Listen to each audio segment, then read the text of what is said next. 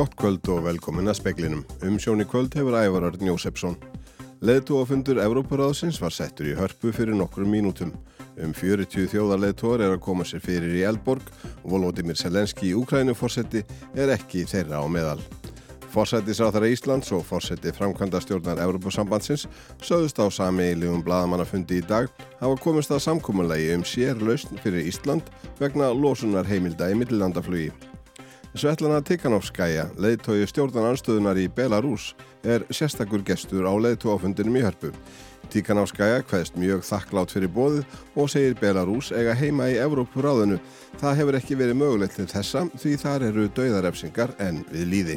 Bændurinn miðfyrði eru ekki sammálum hvort eða hvenar þeir vilja senda fyrir af bænum siðri urriða á í sláturhús að beginni matvælastofnunar.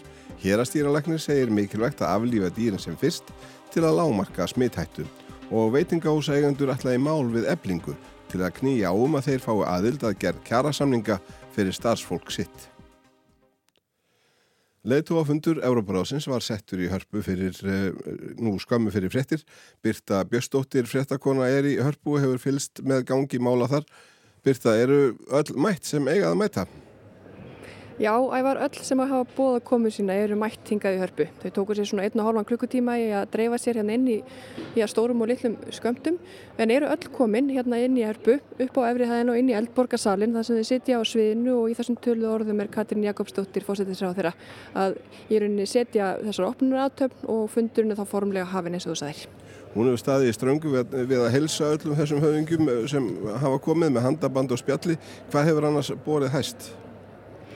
Já, er kannski erfitt að segja hvað hefur búið hæst. Í kannski mínum huga er það kannski öryggiskeslan og þetta mikla umstang sem að fylgja þessum fundi sem er bara bæði sínilegt og áþreifanlegt, bæði þegar maður er að koma hinga inn og er hérna inni. Þetta er nú gengið eftir því sem ég best veit bara bísna vel fyrir sig. Það var aðeins gaman að fylgjast með þegar þau gengu all inn. Það var svona, já, hvað segir maður, misvel tekið eftir fólki þegar Fraklandsfósiti Manuel Macron lapað inn. Þá fóru allir af hjörunum og flyktust í kringum hana meðan aðri löpuð bísna óreitir í gegn. En þetta er allt saman eins og ég segi, gengið vel. En það verði engin orðið fói fyrir að fá ekki meiri aðdegli? Ekki svo ég viti, nei. Nei. Hvernig er annars stemningin í húsinu? Er spenningur í lofti, finnst þér?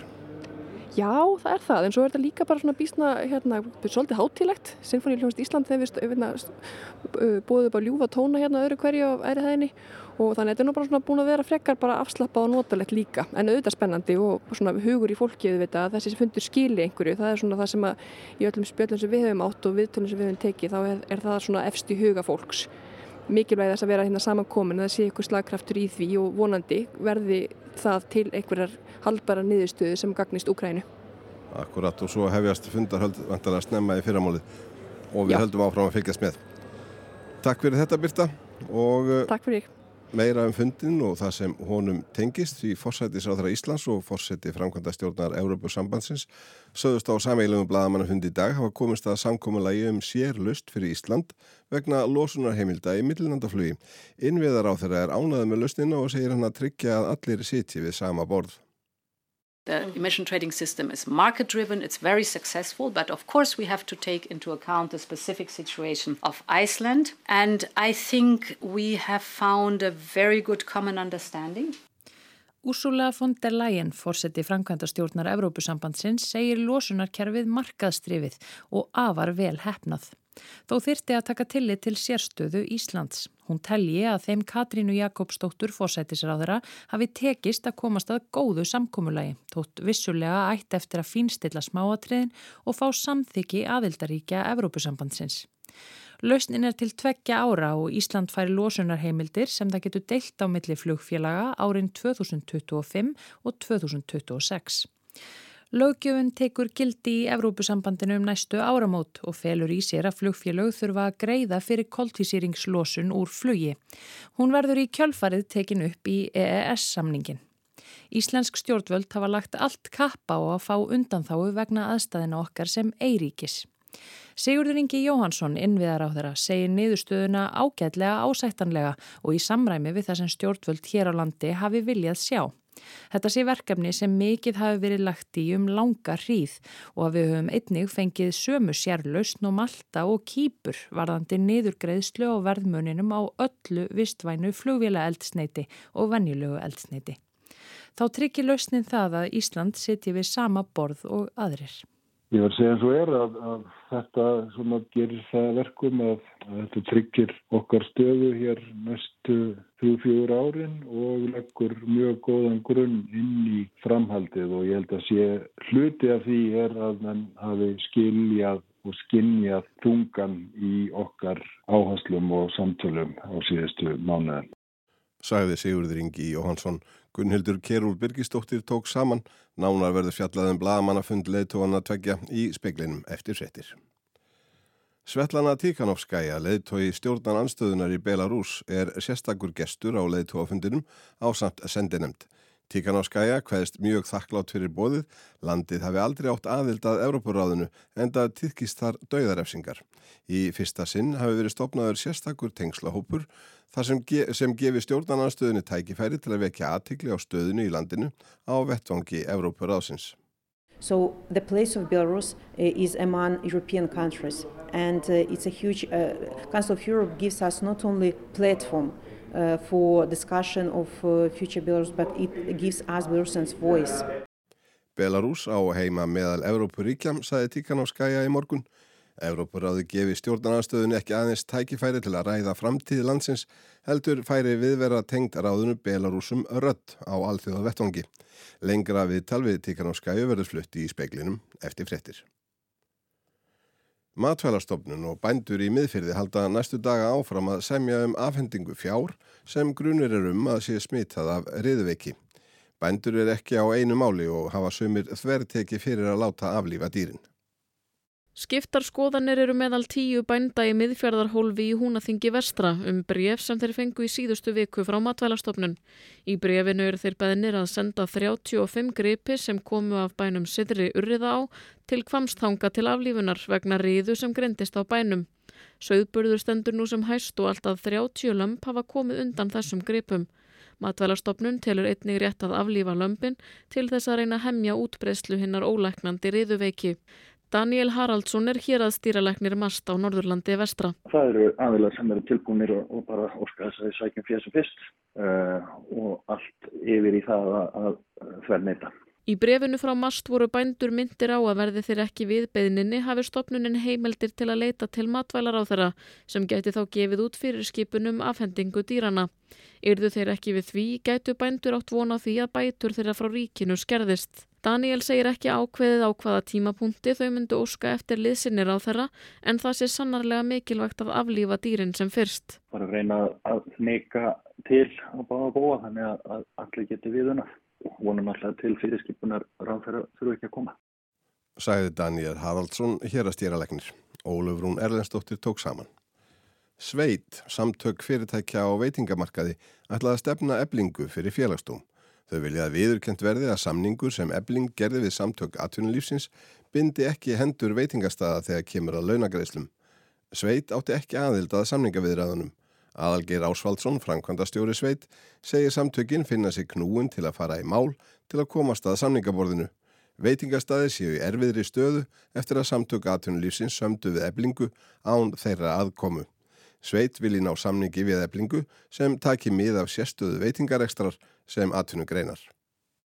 Við höfum greitt eftir þessum samningi við okkur fyrst náttúrulega ósvangjant á starfsmenninun okkar sem er einu okkar mikilvægast auðlind Eh, séu millir steins og sleikju í þessu en við þurfum að fá úr því skorið eh, svona hver hlutverk okkar á að vera hvort að ebling getur bara hort fram hjá okkur eða starfsgrunarsambandi eða hver svo sem er sem ætlar að semja um uh, kjærasamninga fyrir hérna, okkar hóp sem eru þá fyrirtæki veitingaþjónustu. Sæði aðalgeir Ásvaldsson.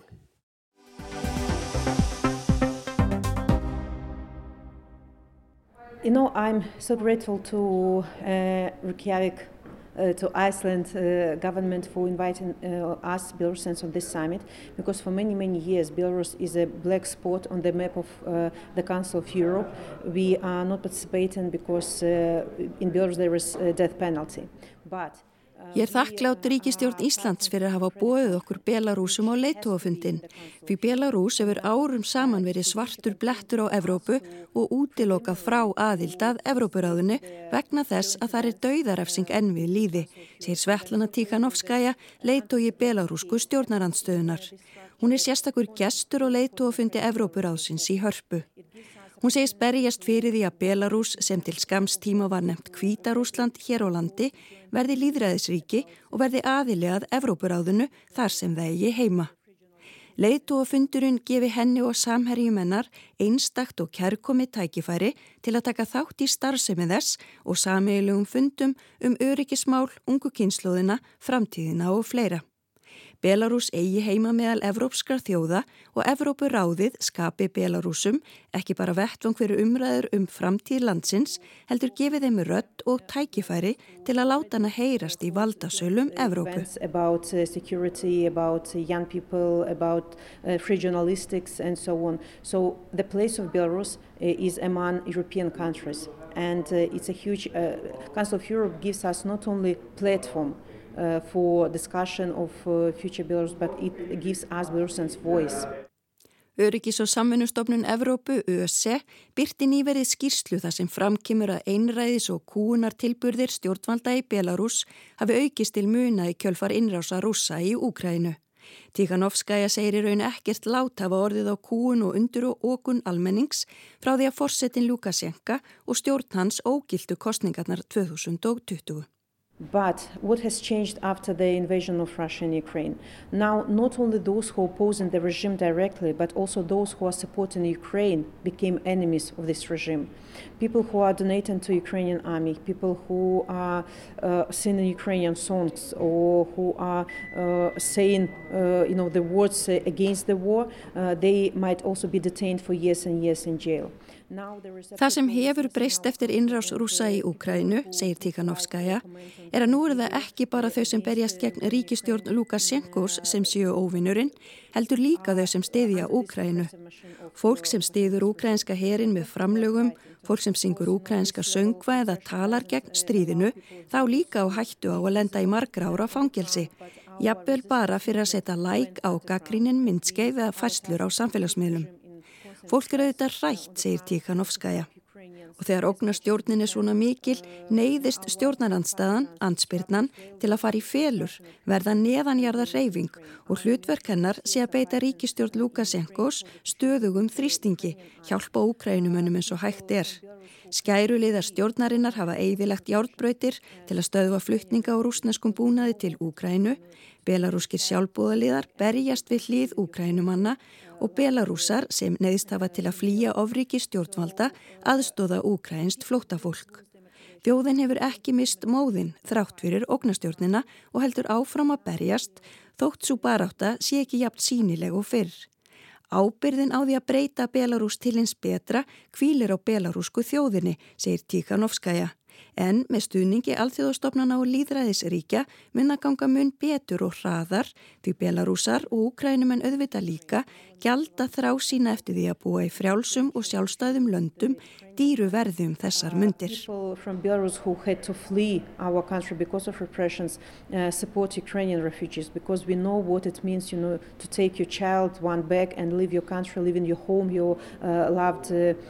Uh, in Belarus.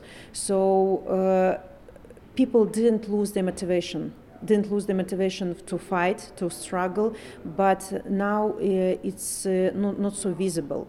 And, uh, the, and you know the obligation to change uh, Belarus for better is uh, uh, is up to Belarusian people, but with support of international organizations of democratic countries, it will be much more easier and faster because really Belarusians and Ukrainians, of course, are paying such a high price for their desire to live in free independent countries. Hávær orðrómur er uppu um að Alexander Lukasjenka, forseti Belarus, glými við alvarleg veikindi og eigi jafnvel skamt eftir ólifað. Þetta hefur ekki verið staðfest ofinberlega en Tíkanovskaja segir stjórnar andstöðuna og almenning búa sig undir að losna við forsetan, hvenar og hvernig sem það nú gerist. Eftir að þessi orðrómur kom upp hafið þetta farið að stað umræða um það í þjóðfélaginu hvað gera þurfi þegar dagur X rennur upp og stjórnarandstaðan, andspyrnurheyfingin, sé þegar farin að undirbúa aðgerðar áætlun þar að lútandi í sammennu við líðræðisöfl og frjáls félagasamtöku í landinu. Mikilvægasta verkefnið, segir Tíkanovskæja, sé að komi vekk fyrir að einum einræðisherra verði einfallega skipt út fyrir annan. Our main task is to uh, not is not allow one dictator to be replaced with another. Our aim is to hold new free and fair elections. And uh, in this moment, when uh, uh Lukashenko disappears, it will be um, there will be chaotic movements inside governments, and uh, I think that Russia will attempt to maybe replace pro-Russian person in the government, but. Markmiðið er að halda frjálsar og líðræðislegar kostningar og dagurinn sem Lukasjenka hverfur af vettfangi verður dagur upplausnar í belarúskum stjórnmálum. Og ég held að rússar munir reyna að setja mann, hlýþóllan Rúslandi, á valdastóli hans stað, segir Tíkarnovskaja. Viljin og rétturinn til að velja nýja valdhafa sé hins vegar í höndum belarúsku þjóðarinnar en ekki rússa eða mannaður innsta hring Lukasjenkos. Þannig að það getur brugði til begja vona þegar þessi dagur ennur upp. Þau vilja auðvita að finna friðsamlega lausn og muni bjóða stjórnvöldum upp á viðræður. Tikhanovskaja segir stjórnarandstöðuna heldur ekki samstíga um allt. Áherslur séu ólíkar og sum öll róttakari en önnur. En bringt sé að leiða einu ólíku hópa saman og einblýna á það sem saminar þá fremur en það sem skilur í milli og þar sé frjálst, sjálfstætt og líðræðislegt Belarus aðalatriðið og þetta kalli á undirbúning.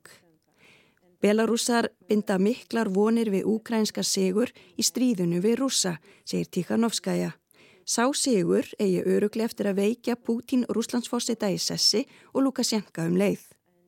Höfuð verkefni allra anstæðinga stjórnarinnar í Minsk sé að standa saman, saminast um að byggja upp samskipta neti til að samræma aðgerði stjórnar anstæðinga, jamt þeirra sem eru í Belarus og hinna sem eru í útlegð, svo grýpa með í tækifærið um leið og það gefst og nota það vel. uh, uh, uh, uh, uh, uh,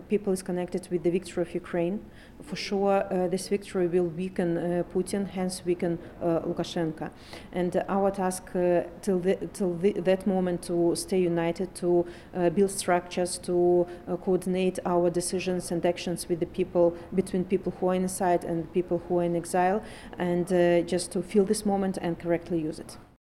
Sæði Svetlana Tíkanovskaja. Dagni Huld Erlendstóttir rætti við hana.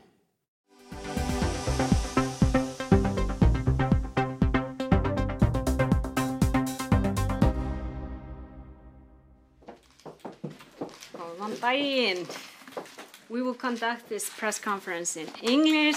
Thank you so much for being here. Uh, Hér áarpar Katrín Jakobsdóttir, fósættisráð þeirra bladamenn og fósætta framkvæmda stjórnar Evrópusambandsins Úrsulu von der Leyen í ráþeirabústanum síðdeis. Töf var þá fundinum vegna þess að flug von der Leyen tafðist en hún er hér í fyrsta sinn og auðvita vegna leitúafundar Evrópuráðsins. Það er þó rétt að taka fram að Evrópuráðið er ekki hluti af stopnanaverki Evrópusambandsins. Evrópuráðið er eldra en ESB og er stopnun sem 46 Evrópuríki starfrækja saman Þetta eru öll Evrópuríki nema Rúsland, Belarus, Vatikanið og Kosovo. Og Evrópu ráðinu er samkvæmt stopnskráni ætlað að ebla samvinnu aðeldaríkjana með það markmið að standa vörðum mannrettindi, styrkja líðræðislega stjórnarhætti, ebla mannleg gildi og almenn lífsgæði Evrópu búa. En fórseti framkvæmdastjórnar ESB sem er einhver valdamesti embættismæður Evrópu tekur þátt í leðtófundi Evrópuráðsins. Það er Katrín áttu tvílið að fundi í ráþærabústanum og fundið þar sameiglega flut á því hvernig má leysa losunar heimildarnútin. En að máli málana. Um, I'm very much looking forward to this summit. It comes at a very relevant time. We've discussed it. Um, Russia's war of aggression against Ukraine raises fundamental questions about democracy, Von der Leyen fæst hlakka til leðtúafundarins sem sé á réttum tíma. Árásarstríð rúsa veki grundvalla spurningar um líðræði, lög og reglu, mannrettindi og hún þakkaði Katrínu sérstaklega fyrir að setja á ottin í formenskutíðinni réttlæti fyrir Úkrænu og ábyrðu rúsa á stríðsrakstrinum. Það skipti að var miklu. Hún þakkaði líka Katrínu og íslensku þjóðinni fyrir gafimildi og stuðning við Úkrænu, móttöku flottamanna þaðan, gafir á mikilvægum búnaði og efnahagsaðstóð. Spurð hvaða væntingar hún hefði til leðtóafundarins, þá sérstaklega með frið í Úkrænu í huga, sagði hún að ábyrða rúsa á stríðinu og glæpirnir sem að þeir fremdu viðstöðu löst með stríðsrekstrinum eruðu í forgrunni á fundinum. Uh, first of all, it will be a big uh, topic will be the accountability of Russia for the crime of aggression. Hún fagnir því fyrir hugaðri tjónaskrám sem hún teldi afar mikilvæga fyrir réttlæti og réttlæti væri eina fórsetta réttláts friðar. En tjónaskráin sé líka mikilvægt tæki í uppbyggingaferlinu og því mikilvægt tól fyrir þólendur stríðsins.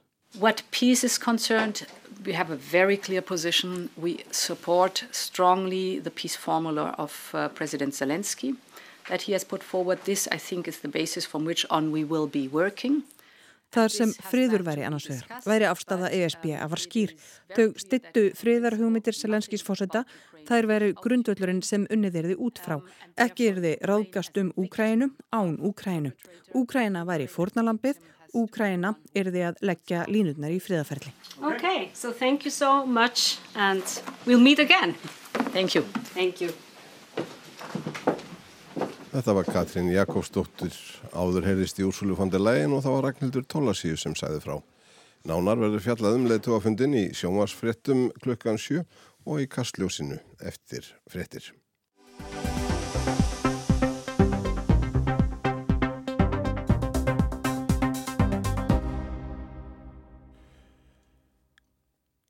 Í tæpan áratug hefur lögfræðingur nokkur reyndað innheimta leigu af íbúðurhúsnaði næri miðborg Stokkólms eða fá yfirvöld til að bera íbúan út.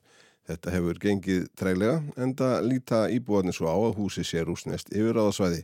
Kári Gilvarsson tekur við. Á Lýtingu, hverfi rétt við miðborg Stokkólms, er átt að hæða íbúðarhús sem íbúanir líta á sem rúsnest yfirráðasvæði en það búa þar fjölskyldur rúsneskra sendiráðstarfsmanna. Húsið er þó ekki í eigu rúsneska ríkisins og nú vil eigandin fá greita leigu nú eða að húsið verði rýmt. Hús þetta komst í eigu rúsneska ríkisins árið 1996 þegar Jeltsin Rúslandsforseti gerði eignir þýsks viðskiptajöfurs í Pétursborg upptækar. Viðskiptajöfurinn let sér ekki vel líka og höfðaði dómsmál á hendur rúsneska ríkinu meðal annars hér í Svíþjóð. Þetta endaði loks með því að húsið á Lýtingu var selt á uppbóði haustið 2014. Kaupandinn var sænskur lögfræðingur, Stefan Hege, sem allar götur síðan hefur reyndað fá rúsana til að borga sér leigu eða flytja út. Þetta hefur ekki gengið vel. Um ári eftir kaupin veitti Heke því aðtekli að búið var að koma upp vegartálma og setja niður steipuklossa fyrir framann húsið. Þetta er bara skemdarverkla starfsemi, kvartaði Heke í samtali við sænska ríkisútvarpið árið 2015. Hann réði yðnaðarmann til að fjarlæga farartálmana en sá var stöðvaður af sendiráðs starfsmönnum sem fullirti að hann væri á rúsnesku yfiráðasvæði. Hege hefur stemt rúsneska ríkinu til greiðslu meintrar leigoskuldar sem hann segir að sé nú farin að nálgast jafnverði um 400 miljóna íslenskra króna. Honum hefur þó reynst erfitt að fá liðsynni frá sænskum yfirvöldum sem telja að sér beri skilda til að verja húsið. Við har ju en uh, förpliktelse enligt vinkonventionen som stat. Tobias Bílström, utanrikisráð þeirra Svíþjóðar, sagði í nýlegu viðtali við sænska ríkisvarpið að það skipti engu hver eigi húsið í raun og veru. Það beri að líta á það sem eign rúsneska ríkisins og virða fríðhelgi þess samkvæmt Vínarsáttmálanum. Ef svíjar vilja að komið sér fram af virðingu við sænska erindreka Erlendis, þá þurfi svíjar líka að koma fram af virðingu við rúsneska sendirástarsmenn í Svíþjóð. Þessu sjónarmiði eru þó ekki allir samála. Said Mahmoudi, professor í alþjóðarétti við Háskólan í Stokkólmi, segist ekki tólka Vínarsáttmálan á sama hátt og utanriksráð þeirra. Rúsar hafi ekki rétt til fastegnarinnar og geti því ekki krafist friðhelgi. Í Vínarsáttmálanum sé hveðið skýrt á um að fylgja þurfi lögum þess lands sem dvalið er í. Það gerir rúsar ekki í þessu tilfelli, heldur gefi niðurstöðu domstóla langt nef. Mottagarstaten och utländska diplomater måste respektera landets lagar och författningar.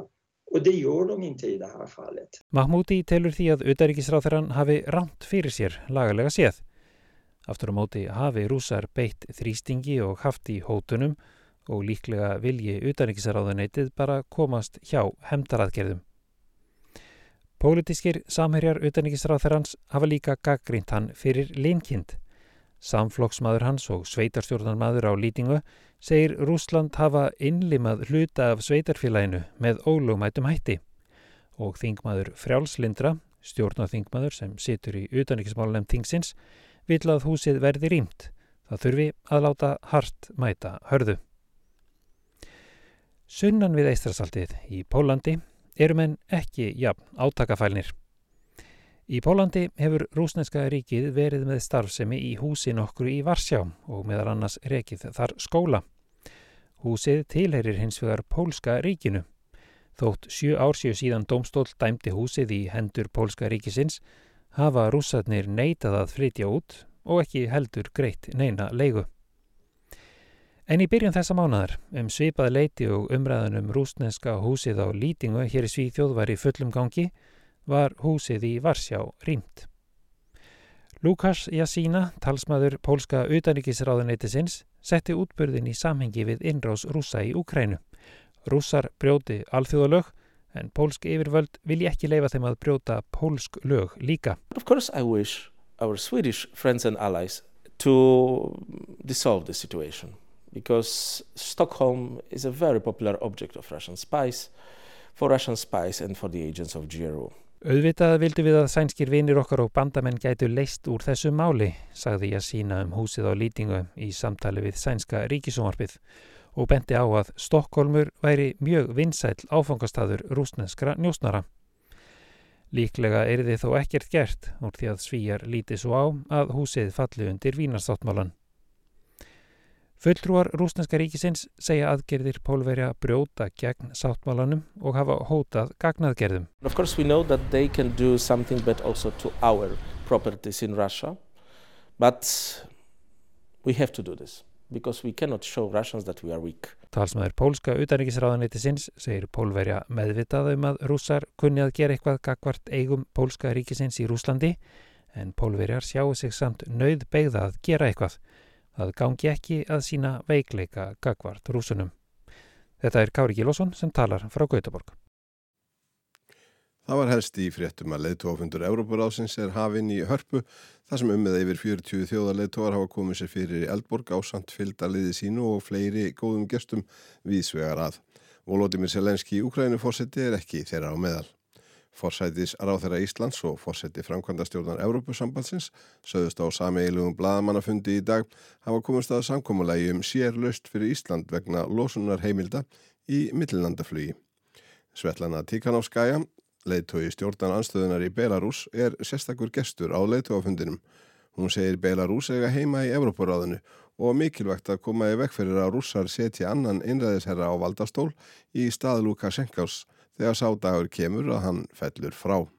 Bændur í miðfyrði eru ekki sammálum hvort eða hvenar þeir vilja senda fjafbænum siðri urriða og í sláturús en hér að stýralækni segir mikilvægt að aflífa dýrin sem fyrst og veitingahúsægendur allir mál við eblingu til að knýja um að þeir fái aðild að gerð kjærasamninga fyrir starfsfólk sitt.